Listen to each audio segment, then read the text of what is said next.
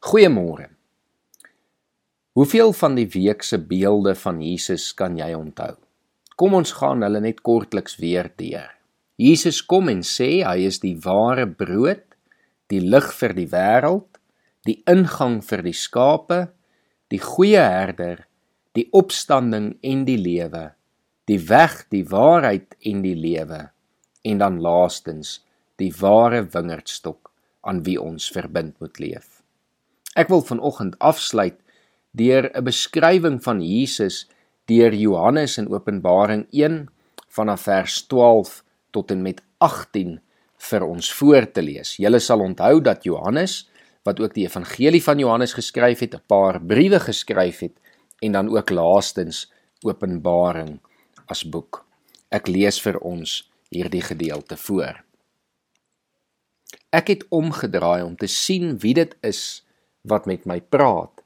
En toe ek omgedraai het, het ek sewe goue staanlampe gesien en tussen die lampe iemand soos die seun van die mens.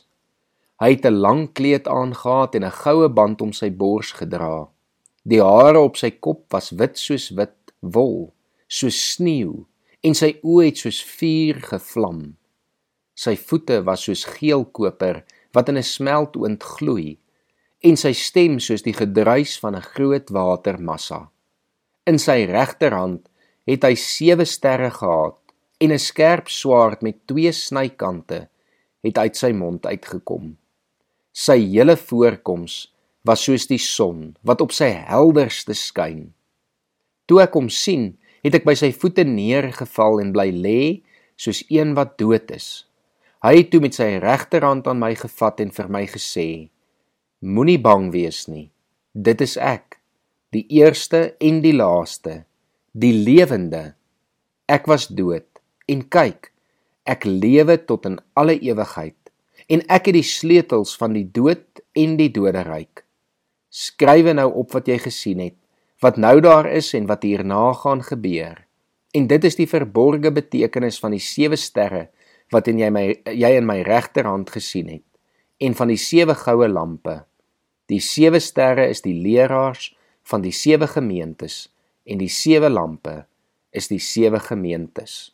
Ons lees tot sover.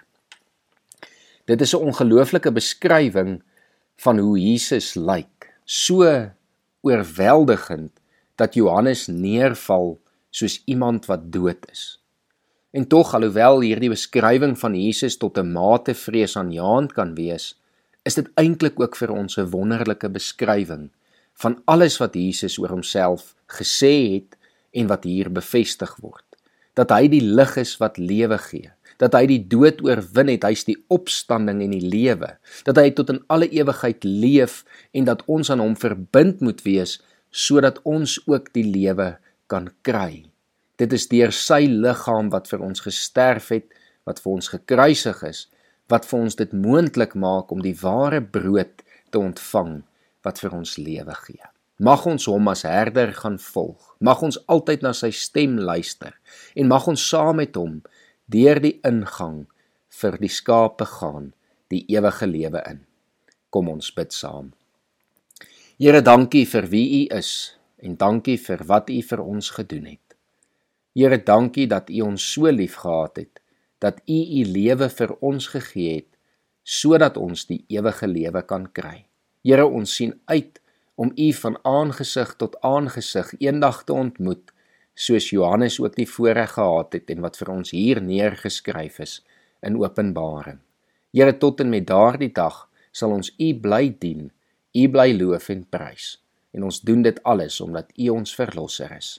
Amen.